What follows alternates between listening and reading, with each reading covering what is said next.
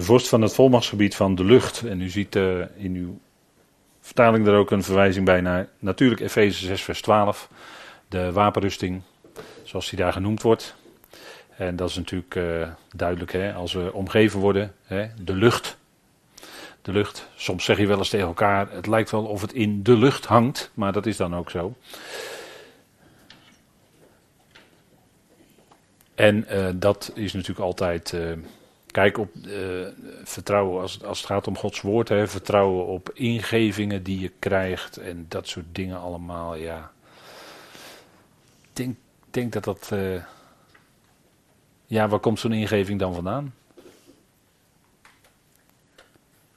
En wat, wat soms ook wel wordt, wordt, wordt gedaan hè, in, in, bij, bij, bij ja, hoe moet ik dat nou zeggen, een cursus of zo.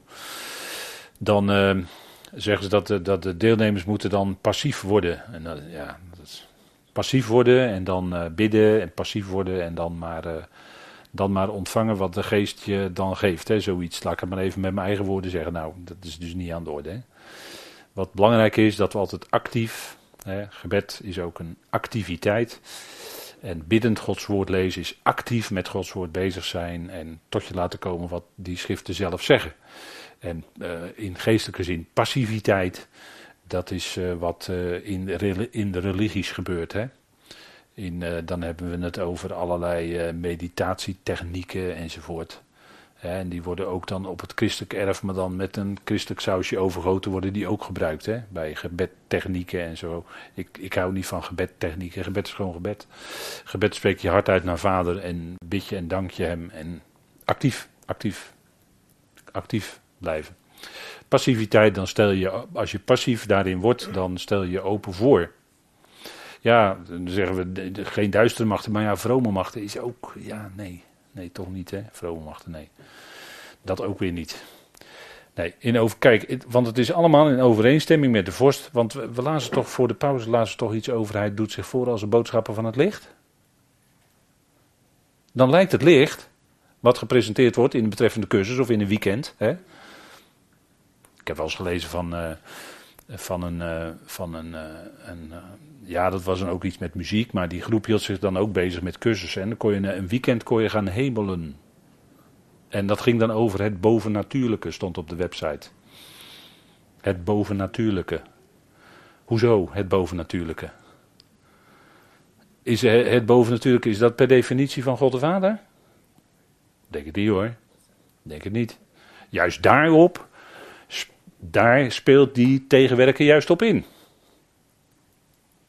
Hè, want ja, hemelen, wat moet je dan daarbij voorstellen? Dat je dan een hemels gevoel krijgt of zo bij, bij bepaalde gelegenheden. Hè? Dat je eerst eens maar eens tien minuten stil moet gaan zitten en dan mediteren. En dat je dan een hemels gevoel krijgt zo. Ik ben er helemaal was van hoor. Moet er niks van hebben. Ik denk dat dat je niet op het goede spoor zet. Ik denk dat je dat op een ander spoor zet dus. Ander spoor, dat denk ik. In overeenstemming met de vorst van het volmachtsgebied van de lucht, de geest die nu werkzaam is in de zone van de weerspannigheid. Dat is me nogal een volzin, hè? Kijk, het gaat om geest. De geest die nu werkt, werkzaam is dus, actief bezig is, in de zone van de weerspannigheid.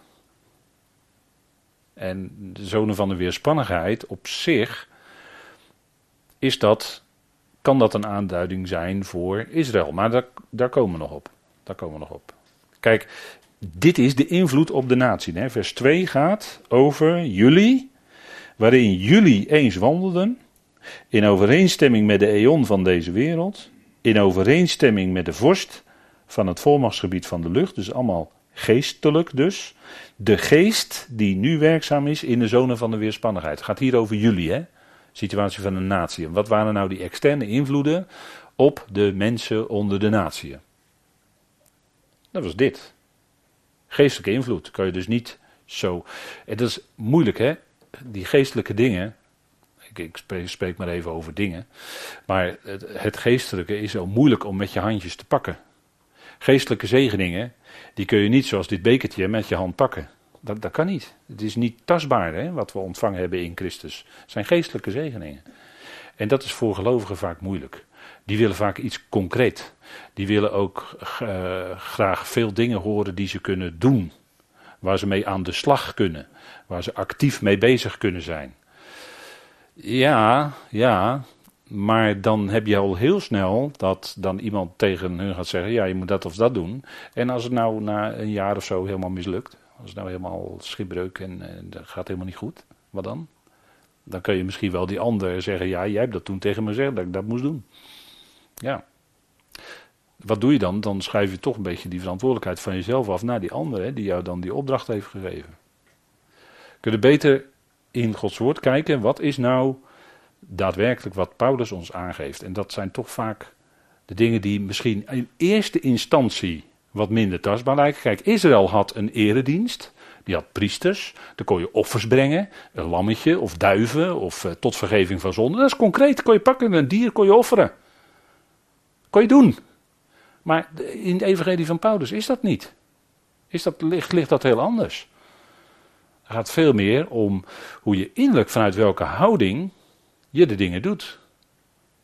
En dan hebben we het over ootmoedige gezindheid. Dan hebben we over de vrucht van de geest. De vrucht van de geest hè, die zich in je leven zet. En dan in, met die vrucht ben je bezig gewoon met je dagelijkse bezigheden. Paulus keek ook om zich heen. Hè? Paulus keek naar de situatie, hoe het ging. En die let op de situatie en die, nou, die zag dan op een gegeven moment toch een beweging. Nou, nu kan ik toch naar Jeruzalem gaan. Hè? Daar heeft hij het over in Romeinen 15. En hij wilde eigenlijk naar Rome toe, maar hij moest toch nog eerst naar Jeruzalem. Dat maakte de Heer door omstandigheden, doordat de weg eindelijk open ging om toch naar Jeruzalem te gaan en daarna om eindelijk toch naar Rome te kunnen gaan. Ja, werkte de Heer door omstandigheden dat zegt hij ook in Filippenzen 2, hè, dat hij zag om zich heen naar de omstandigheden en toen kon hij iets zeggen. En toen kon hij bepaalde misschien iets aangeven. Zo werkt het vaak. We leven ons leven op de plek waar God ons gesteld heeft. En God werkt dan door omstandigheden, door hoe het gaat, werkt God. Want niets gaat buiten hem om, uiteindelijk. Hè? Niets gaat buiten hem om. En, en daarin kun je dan toch in je leven, kun je dan toch zeggen, zonder dat we daar nou heel vroom over hoeven te doen. Maar kun je toch zeggen dat God het sowieso geleid heeft. Dat God, toch God sowieso het gedaan heeft. Ja, dat is, dat is hoe die werkt. En kijk, voor de zonen van de weerspannigheid, de geest, die werkt in de zonen van de weerspannigheid. Fors van het volmachtsgebied van de lucht. Dat is op zich een vijandige omgeving. Dat zijn vijandige geestelijke machten die inwerken op de mensen uit de natie. En dus zorgt er ook bij de natie voor een stuk weerspannigheid. Maar dat gold voor alle voor Israël. Het maakte hen van buitenaf, laten we zeggen door externe invloeden, maakte het de mensen van de natie vijandig. Hoe zit dat bij de zonen van de weerspannigheid? Dat wordt in de schrift ook wel aangegeven voor de zonen van Jacob. En u ziet daar de Hebreeuwse woorden, stijf of hard, van nek, dat is eigenlijk wat uh, de Hebreeuwse tekst aangeeft. Hè. Als het in Tenach gaat over Israël, dan staat er dat het een hardnekkig volk is. Of een, je kan ook vertalen een weerspannig volk. Uh, in het Grieks is het dan, ze zijn niet te overtuigen. Laten we maar even met elkaar lezen. Exodus 32 vers 9, er wordt deze uitdrukking die u hier ziet staan, wordt daar gebruikt. Exodus 32 vers 9. Mozes ging de berg op, ontving de stenen tafelen en intussen, u ziet daar het plaatje, de dans om het gouden kalf. Overigens uh, ook een, een, eh, een, een kan je krijgen hè, in Nederland, gouden kalf. Kan je krijgen, ja. moet je een beetje in de film, uh, filmdinges zitten, acteurs en zo, weet u wel. Maar ja, acteurs, ik weet niet, die spelen altijd een rol, hè. Weet ik niet. Exodus 32, vers 9. Ook zei de Jaweh tegen Mozes: Ik heb dit volk gezien en zie, het is een halstarrig volk. Daar staat die uitdrukking. Het is een halstarrig volk. Ze zijn hardnekkig, hard van nek. Die nek wil niet buigen. Dat hier op die, uh, die glooiing hier, hier zo. En die is dan hard, die wil dan niet buigen. Ze wil niet buigen voor God. Ze wil niet buigen voor Yahweh. Die hun grote zegeningen zou geven. in een geweldig land vloeiend van melk en honing.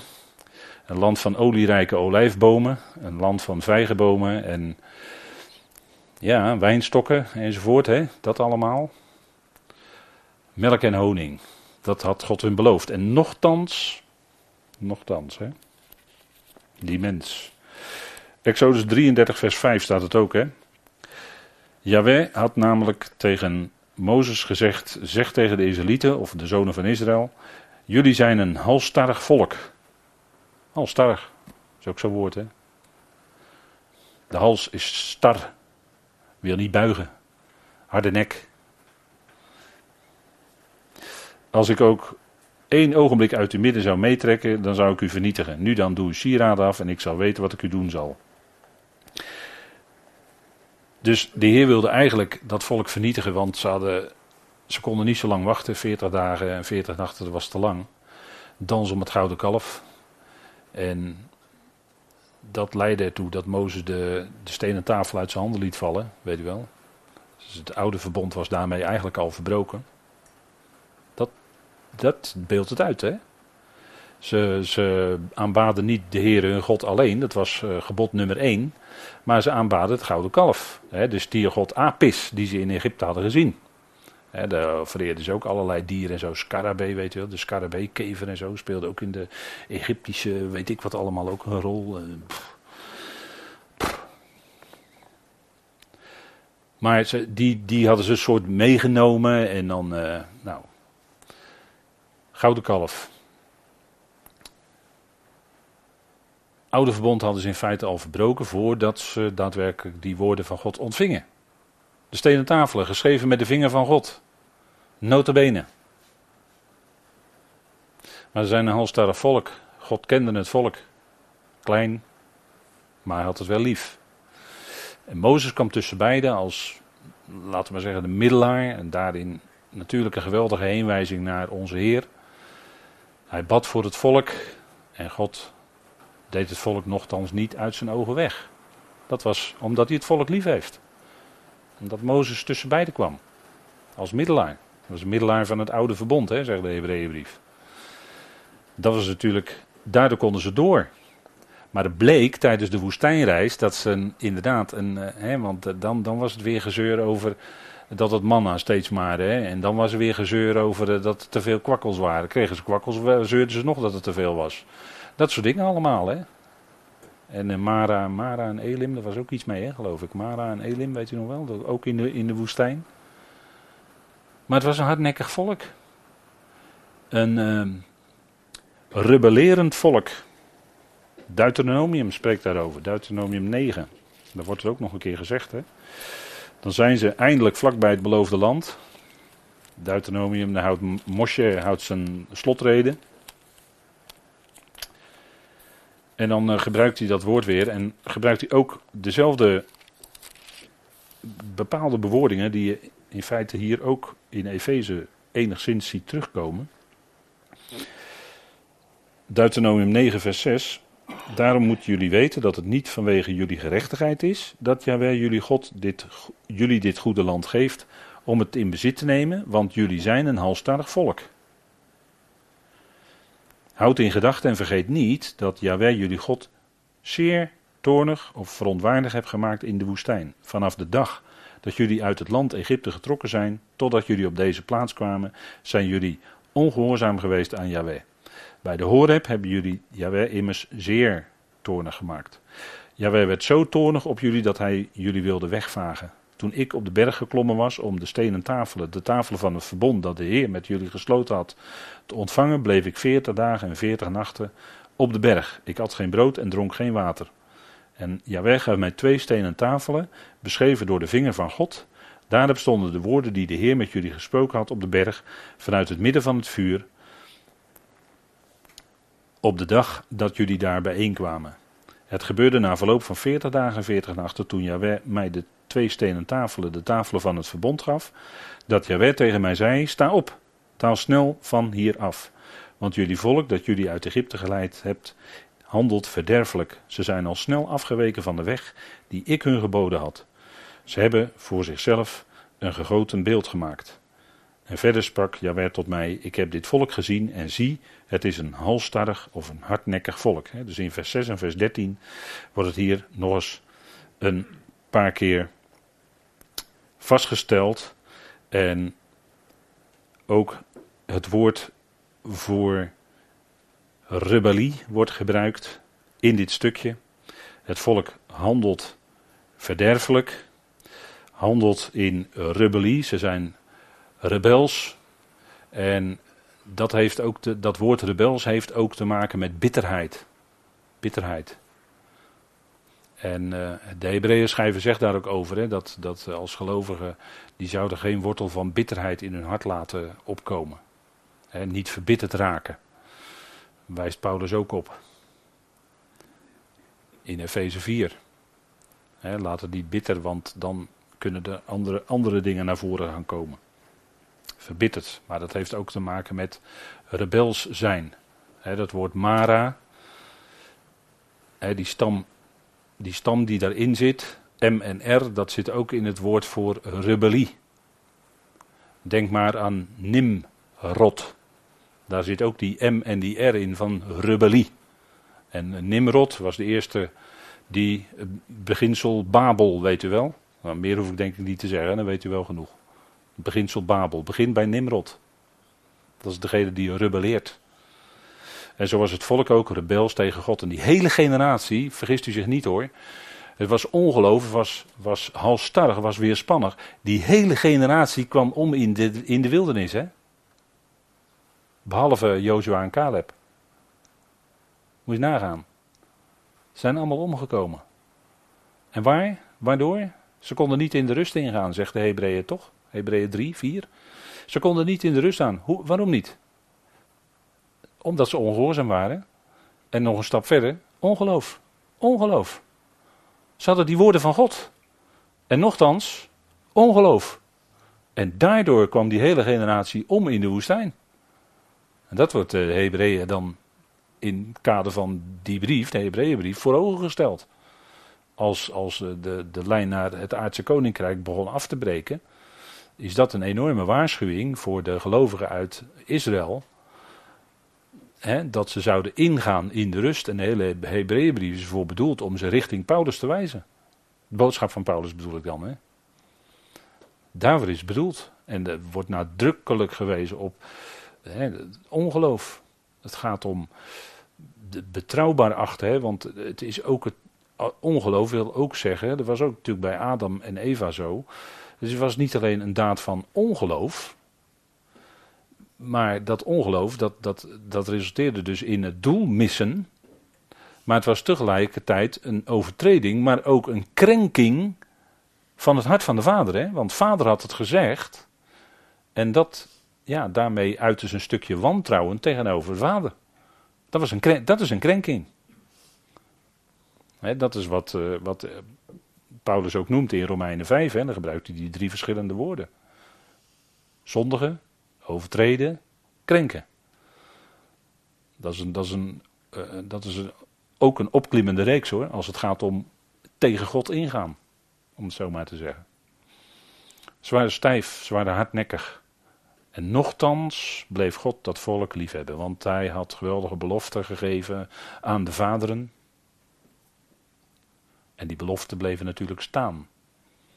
Ondanks het ongeloof, ondanks het afwijken, ondanks het toch. En dat is de liefde van God. Hij heeft het volk lief. Niet het gedrag. Het gedrag niet, nee. Gouden kalf dansen, hoereren en noem alles maar op hè, bij dat gouden kalf, want dat, dat gebeurde allemaal. Hè. 1 Corinthië 10 wordt, wordt er door Paulus ook tot voorbeeld gesteld. Hè. Jij, jullie die menen te staan, zie toe dat je niet valt. Want, kijk maar in de geschiedenis van Israël. Gouden kalf. Kijk maar. Dus verbeel je nou niks. Het is genade dat je kan leven en dat, dat je op God gericht wil leven en noem alles maar op. Dat is ook genade wat hij je geeft. Zeker. Maar al die dingen zijn ons tot voorbeeld, tot typen geschreven. Hè? We zouden die schriften natuurlijk, alles is ons tot voorbeeld geschreven. En we zouden die schriften dan ook nauwkeurig nagaan en daaruit verlering en voorbeeld trekken. Hè? Alles is tot onze opvoeding in de gerechtigheid gegeven, zegt Paulus ook.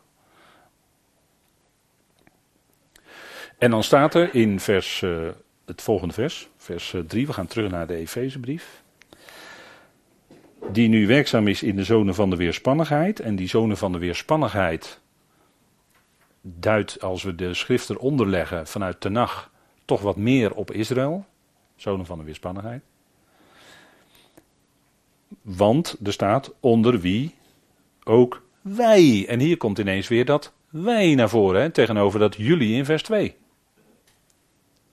Waarin jullie eens wandelden, en dan zegt Paulus hier, onder wie ook wij. Dus de Joodse mensen en hij zelf. Zelf uit de stam Benjamin. Dus daar hoort hij zelf ook bij. Onder wie ook wij allen ons eens gedroegen in de begeerte van ons vlees, de wil van het vlees en van de denkwijze uitvoerend. En wij waren van nature kinderen van verontwaardiging, zoals ook de overigen. Dus onder wie ook wij allen ons eens gedroegen in de begeerte van ons vlees. De wil van het vlees en de denkwijze uitvoerend. Hè? Hier gaat het dus niet zozeer om, want die omgeving voor Israël, die was in zekere zin door Torah, door Tenach, enigszins afgeschermd. Dus die Israëlieten, die leefden wat dat betreft in een wat andere wereld dan de volkeren rondom. Die hadden die woorden van God. Wat is het voordeel van de Jood en het nut van de besnijdenis? Allereerst dat aan hun de woorden van God zijn toevertrouwd, zegt Paulus in Romeinen 3. Dat is wat hun gegeven is. En daardoor werden zij afgeschermd van de zaken waar de omringende volkeren en ook de volkeren die ze moesten verdrijven uit Canaan later mee bezig waren. En dat was heel, dat was heel behoudend voor dat volk hoor. Als we dat met het woord behoudend maar even zo samenvatten. Hè? Maar daar kun je wel een lange litanie over houden hoor. Over die volkeren, wat die allemaal uitspookten. En, uh... Maar dat was in, in, in die zin beschermend voor dat volk. Dus die hadden niet zozeer die directe invloed, laten we maar zeggen, van de geestelijke machten waar die natie wel mee te maken hadden. Dat was beperkend. En toch vond, vond de Jood de vijandschap, ja, waarin in zichzelf, in zijn eigen vlees, niet willen, toch niet willen luisteren naar wat God zegt. Vijandschap zit in het vlees. Dus zij vonden die vijandigheid in zichzelf. Terwijl de natie konden zeggen, ja, die vijandigheid, eh, we stellen vast, die vijandigheid kwam via die geestelijke machten naar die, die mensen van de natie toe. Maar bij Israël bleek het toch ook in het vlees zelf te zitten. En dat is natuurlijk uiteindelijk bij ieder mens zo. Dus vandaar weer even dat verschil aanstippen, hè, van dat jullie en dat wij. Hè, daar, daar, dat trekt Paulus door, hè, die lijnen. En wat bepaalt, want hier wordt gesproken over wij hè, die ons gedroegen in de begeerte van ons vlees, de wil van het vlees en van de denkwijze uitvoeren. En dan kun je de vraag stellen, wat bepaalt nou eigenlijk de wil van de mens? Hoe zit dat nou eigenlijk bij die wil van de mens?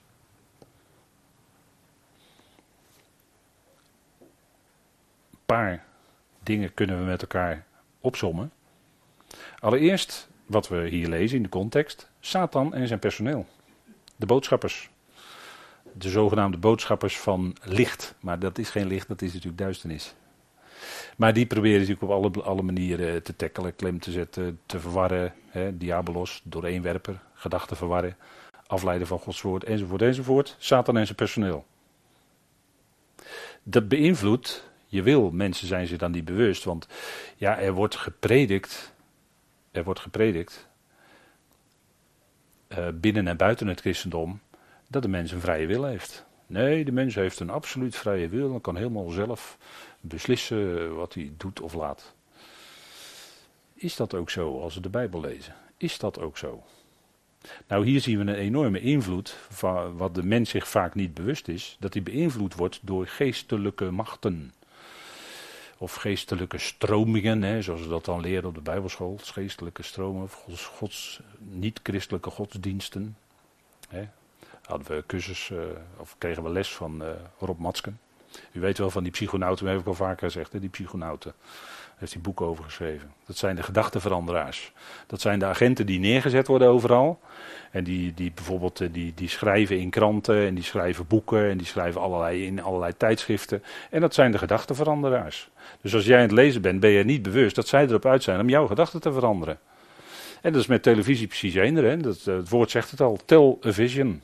Dus door de televisie heen wordt hun visie aan jou verteld. Jij kan niet terugpraten. Nee, die televisie, wat daar doorheen komt, die vertelt die visie van diegenen die spreken aan jou. Die, dus die willen jouw gedachten beïnvloeden, veranderen. Via allerlei dingen. Soms propaganda. dat, is, dat is natuurlijk aan de hand. En dat, dat zeg ik hier onder het kopje Satan en zijn boodschappers. Hè?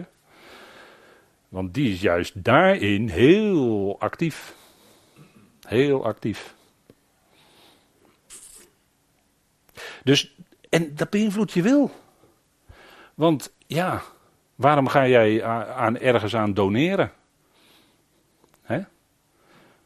Omdat, je, omdat je beïnvloed bent door wat jou verteld is. Via allerlei media. Ga jij uh, je portemonnee trekken, ga je doneren. Dus jouw wil is daardoor al beïnvloed. Want jij wil doneren dan. Vrije wil? Ja, je denkt van wel.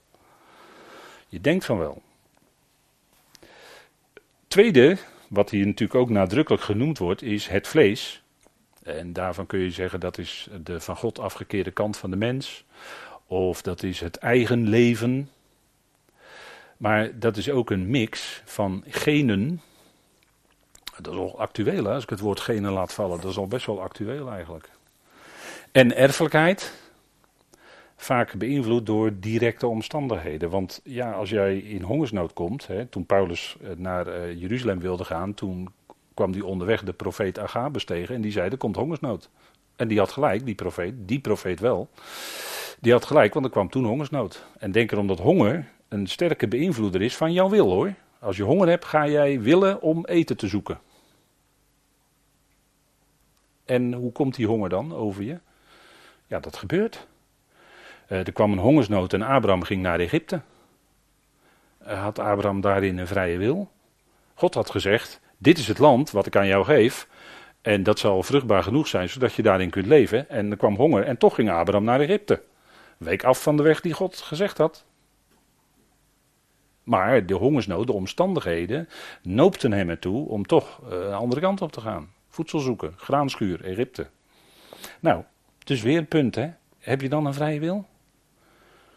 Iemand die had dus een heel eenvoudig voorbeeld, maar dat heb ik al wel eens verteld. Van uh, ja, vanavond eigenlijk geen zin om te koken. Ik ga maar naar de patatzaak, ik ga lekker patatje halen met een berenklauw of zo. Of een frikadel speciaal, weet ik veel. En dan kom je bij de patatzaak, dicht. Maandag, dicht. Dus jij die avond geen patat. Maar je had in je vrije wil, dacht je, gekozen, ik ga vanavond patat eten. Maar je kan die wil helemaal niet doorzetten, want dicht. Simpel voorbeeld, hè? Nou, zo kun je natuurlijk aanvullen met, ik weet niet hoeveel kleine en grote dingen, die allemaal van invloed zijn op jouw wil. Dus heb jij een vrije wil, want kijk, als je nou, even de definitie, hè, als jij een echte vrije wil hebt, dan wil jij iets en dan heb je ook het vermogen om die wil door te zetten. Dat is een echte vrije wil. Nou, als je het zo bekijkt, dan is er maar één die een echt vrije wil heeft en dat is God zelf. En voor de rest, ieder, ieder daaronder. Dus ja, en hebben we er nog één. Kijk, een mens, hè, ze zeggen dan uh, even, even evalueren, even mijn gedachten ordenen en dan ga ik besluiten wat ik ga doen. Nou, dan heb je dus al niet doordat je beïnvloed wordt door geestelijke machten, want je krijgt een ingeving van ik wil vanavond patat eten of zo. Nee, geen, geen idee waar dat vandaan komt. Je wordt beïnvloed door geestelijke machten. Tweede is, je wordt beïnvloed door wie jij bent, erfelijkheid. Dus je gedraagt je in zekere zin hè, dat mensen zeggen, nou je lijkt nu precies je vader. Of je lijkt precies je moeder. Weet je wel zo. Dus dat zit dan in je genen, dat zit dan in je, in je hele regiment, wat, uh, hè, DNA en zo, hè, wat God allemaal... Uh, Razend knap hoor, God. DNA. Hoe kan je dat nou bedenken, hè? Nou, God die heeft dat bedacht, hè? Zo zitten we in elkaar. Razend knap hoor. En we zijn er nog lang niet uit wat het allemaal precies is. Hè? Want tegenwoordig kennen we ook messenger-RNA, weet u wel. Die allemaal boodschapjes zo doorgeven en uh, die dan dingen regelen in het menselijk lichaam. En uh, er zijn de, de, cellen die dan ergens naartoe gaan. En die gaan naar de lymfklieren en gaan ze helpen om de dingen op te lossen die niet goed zijn in je lichaam. Laat ik maar even zo heel simpel zeggen. Hè? Wie heeft dat bedacht? Dacht u nou echt dat een oerknal en alles is zo... Ach, houd toch op joh. Dat is toch een rare filosofie van mensen. God heeft dat natuurlijk allemaal zo ontworpen en bedacht. Hè? Daar, kan niemand aan tippen. Zelfs de, dat, dat wil men nu wel, maar goed. Evaluatie en begrip van omgeving en situatie. Dus je gaat je gedachten ordenen, zeg maar. Hè? Zo zeggen we dat dan. Je gaat je gedachten opmaken en dan ga je een beslissing nemen. Maar waar komt die beslissing nou vandaan? Nou, die beslissing is een optelsom van allerlei dingetjes. En dan ga je bepaald iets ga je doen, of je gaat een bepaalde richting op. En je hebt helemaal niet door dat helemaal jouw vrije wil niet was. Maar dat het weggetje al lang door God tevoren bepaald was. Maar daar kom je later pas achter. Kijk, dat is nou God, hè? God is geest en die heeft alles volledig onder zijn controle. Kijk, wij bepalen onze, zelf onze wil niet. hier in Efeze wordt ook al gezegd dat die wil best gestuurd kan worden door de begeerte van het vlees. Dat is ook wel een hele belangrijke. Wat je verlangt, of wat je begeert, of wat je wil. zo, hoe je het ook maar zeggen wil. Dan wordt je wil doorgestuurd. Wij bepalen zelf onze wil niet. God beheerst en controleert al de factoren. Wij kunnen maar enkele kleine factoren overwegen misschien. Maar God heeft al die factoren in zijn hand. En dan zegt u van 8 miljard mensen, ja, nou 9, wat is de, hoe, is de, hoe is de stand van de teller? 9 miljard geloof ik hè? Mensheid nu 9 miljard. Toch? Laatst was toch een mededeling, 9 miljardste mensen was geboren. Nou, God heeft al die mensenlevens in zijn hand hoor. En hebben wij geen vrije wil? Nee, natuurlijk hebben wij geen vrije wil. Kan helemaal niet. De wil van het vlees en de denkwijze uitvoerend, ja, maar dat is zo door God geordend. Dat wij dat zo deden. En wat, wat geldt nou voor ons als gelovigen?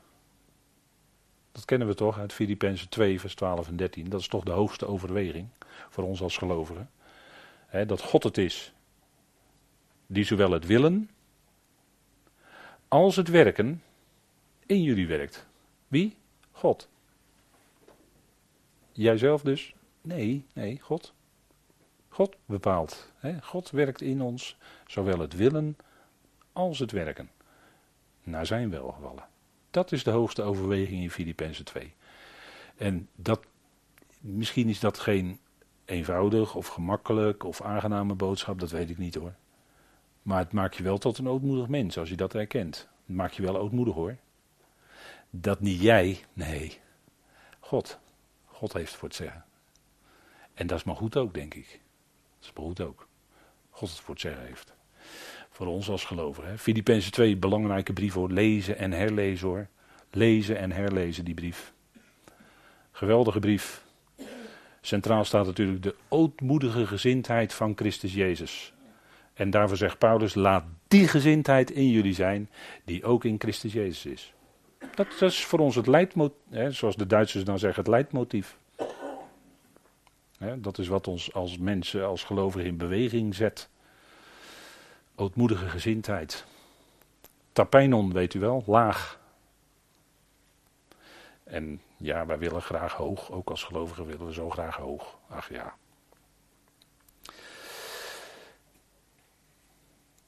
En wij waren van nature, zegt Paulus, kinderen van verontwaardiging, zoals ook de overigen. Kijk, en met die overigen wijst hij dan weer even op uit de natieën. Hè? Wij, zegt hij, wij waren van nature kinderen van verontwaardiging. Wij, gelovigen uit Israël, uit de, uit, uit Joden. Hè? Zoals ook de overigen. En dat is dan weer die uit de natieën. Maar die komen bij elkaar hè, in het vervolg. Die komen bij elkaar met dat gezamenlijk.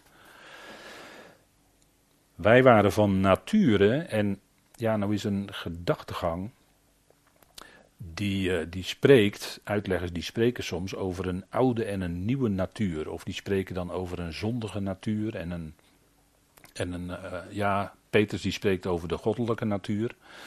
Maar natuur in de Bijbel, het natuurlijke van de mens, is op zichzelf genomen niet zondig.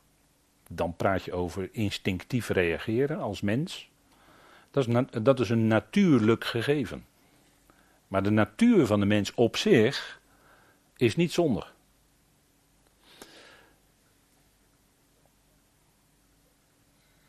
Van nature. Paulus gebruikt dat woord in bijvoorbeeld in Galaten 2 vers 15. En daar zegt hij iets ook weer over zichzelf en zijn mede-Joodse medegelovige mensen. Wij, daar zegt hij, wij van nature Joden en geen zondaar uit de natie. Dus hier gaat het puur om van nature hoe je geboren bent en hoe je opgroeide. Nou, Paulus als Joods mens, en zo zijn er natuurlijk velen, van nature. Dat is een betekenis. En Romeinen 2 zegt daar ook iets over. Over het van nature.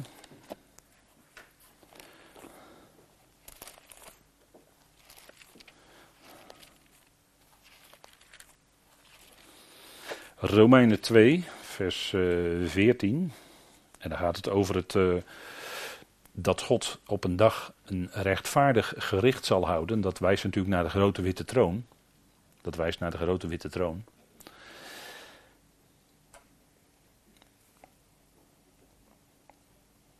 En dan lezen we even vanaf vers 13. Eh, Niet hoorders van de wet zijn immers rechtvaardig voor God, maar de daders van de wet zullen gerechtvaardigd worden. Want wanneer heidenen of de natie die de wet niet hebben, zie je het? De natieën hebben de wet, de Torah, niet. De Torah was nooit aan de natie gegeven, was aan Israël gegeven. Klaar is een klontje. Wanneer de natie die de wet niet hebben van nature, van nature, dat is hetzelfde woord, doen wat de wet zegt, zijn zij, hoewel zij de wet niet hebben, zichzelf tot wet.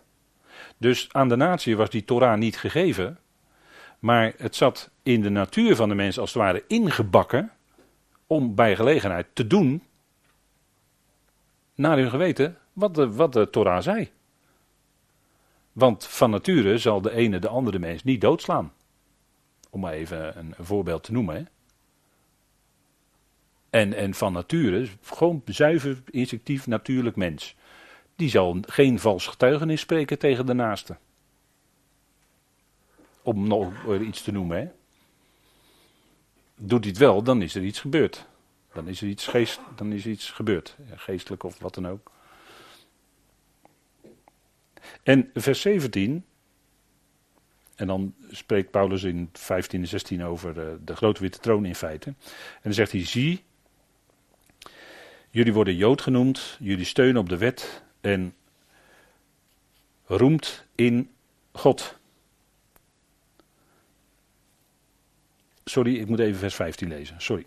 Zij tonen dat het werk van de wet geschreven is in hun hart. Nog aanvullend, hè? Daar getuigt ook hun geweten van en hun gedachten die elkaar onderling beschuldigen of ook verontschuldigen. Dus naarmate de mens opgroeit, gaat ook dat geweten een rol spelen. Dus die natieën die zijn, die doen van nature wat de wet zegt.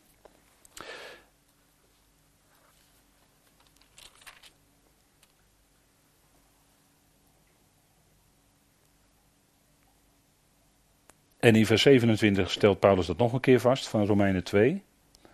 En zal hij die overeenkomstig de natuur onbesneden is, en die de wet volbrengt, jullie dan niet oordelen die met de letter en de besnijdenis een overtreder van de wet bent. Dus dat werkt dan als een boemerang. Hè? Dus de, hier zegt hij van de natieën die onbesneden zijn, maar die wel de wet volbrengen naar hun natuur die zullen juist diegenen veroordelen die wel die Torah hadden, maar nochtans die Torah overtreden hadden. Ook opnieuw, hè? dus wordt het woord natuur weer gebruikt, hè? opmerkelijk. En als de mens dan afwijkt van God, als de mens afwijkt van God, Maar dan gebeurt er dus iets geestelijks, hè? Eerst. En dan gaat die mens afwijken van God. En dan lezen we bijvoorbeeld in Romeinen 1, vers 26. Daarom heeft God hen ook overgegeven, dat is dan een proces, hè? Daarom heeft God hen ook overgegeven aan oneervolle hartstochten. Want ook hun vrouwelijke of vrouwen hebben de natuurlijke omgang vervangen door de tegennatuurlijke. Dus het natuurlijke had God ingebakken. Maar er gebeurt dan iets, die, die mens die raakt los van God, om het zo maar te zeggen. En dan krijg je dus dat door God overgeven aan. En dan gaan ze de dingen doen die tegen of naast de natuur zijn. Dat is wat Paulus zegt hier. Hè? En weer, gebruik weer het woord natuur. Dus de natuurlijke, het natuurlijke wordt dan ook verlaten. Dat is als je God verlaat, hè, als je losraakt van God. Dan raak je dus ook los van het natuurlijke gegeven. Van omgang van man en vrouw in het huwelijk. Dat is een natuurlijk gegeven, dat heeft God zo in de schepping gelegd. Raak je los van God, dan raak je ook daar los van. Dat is, dat is, dat is het proces wat Paulus hier beschrijft in Romeinen 1. Hè? Dat, is, dat is denk ik wel duidelijk. En daarom is het goed, altijd goed, en mag je dankbaar zijn als God, je naar, als God jou naar zich heeft toegetrokken. Je bent door God naar Hem toegetrokken. Daar mag je alleen maar dankbaar om zijn, want dat behoedt je en dat bewaart je ook voor een gedrag dat blijk geeft van los van God te zijn. Of wat blijk geeft van overgegeven te zijn aan. Dat, bewaart je ervoor. Dat is, dat is ja. Dus even over dat woord natuur. Hè. Dus natuur in de Bijbel is op zichzelf genomen niet zondig. En dat de mens zondaar is, ja, dat wel, zeker, zeker. Dat de mens doelmisser is, ja, allen hebben gezondigd, zegt Paulus. Hè? Allen hebben gezondigd en missen de heerlijkheid van God. En worden om niet gerechtvaardigd door zijn geloof. Ja, dat laten we dan ook erbij klinken. Evangelie, hè? goed nieuws. Allen missen hun doel. Maar ook diezelfde allen, die worden gerechtvaardigd door het geloof van Jezus Christus. Dat ook. Ja, zeker. Dat is, dat is het eind van het liedje. Hè? Eerst door die duisternis heen van zonde enzovoort. Maar dan, na die vervreemding, verzoend met God. Heerlijkheid. Nou, dat is natuurlijk geweldig, hè? En daar kunnen we dan vanavond mee eindigen. Kijk, dat is vers 4. Want eh, ja, die, die versen zegt u 1 tot en met 3 is allemaal niet zo prettig om te lezen. Nee, maar we, moeten het wel, we zouden die dingen wel met elkaar lezen en bestuderen en tot ons nemen. Want die dingen zouden we ook weten hoe dat zit. Dat is belangrijk. Het zijn geestelijke zaken waar we mee te maken hebben. En dan zouden we goed weten hoe dat in elkaar zit, hè? hoe dat werkt. Maar in vers 4 komt dan dat, dat geweldige licht, hè, de doorbraak. God echter, hè, God is licht. En in hem is in het geheel geen duisternis. Dat is natuurlijk ook zo, hè? God is licht. En daarom, als hij gaat werken in Genesis 1, vers 2, 3, dan zegt hij het eerste wat hij zegt is ook er zij licht. En dan was er ook licht. En er werd licht. Prachtig, hè? Dus uh, ja, prachtig die tekst. Blijft altijd geweldig. God echter. En dan hier breekt dat licht ook door God echter. Die rijk is aan barmhartigheid vanwege zijn onmetelijke liefde waarmee hij ons lief heeft. En weet u, dat ervaren wij, die liefde, dat het ook echt die liefde van God is, omdat we eerst door die zonde en die duisternis heen zijn gegaan. Die contrast had God nodig. En daarom is ook zelfs zonde en kwaad een noodzakelijk onderdeel in Gods plan. Noodzakelijk onderdeel in Gods plan. Probleem van het kwaad, ja. Maar afgezet tegen het kruis, wat daar gebeurde, is het antwoord daar Gods liefde. Dat is het antwoord. God heeft je lief. Dwars door alles heen. Of je kunt zeggen nochtans. Of wat u ook wil zeggen. God heeft je lief. Hoe dan ook. Nou, dat is geweldig hè. En daarom, eh, had het over Israël, weer spannend volk. Maar kijk, God had Israël niet uitgekozen omdat het nou zo'n geweldig volk was. Dat was de reden niet hoor. De reden was dat hij het volk lief heeft. Dat was de reden, dat hij het lief had. Deuteronomium 7 staat het, hè? geweldig. Dat was de reden waarom God koos. En dat is ook voor ons zo. Waarom heeft hij gekozen uit voor de nederwepen van de wereld? Ja, we begrijpen niks van, maar hij heeft je lief. Hij heeft ons als gelovigen lief. Ze zijn liefde. Onmetelijk. Nou, met die gedachten gaan we vanavond dan lekker slapen straks. Hè?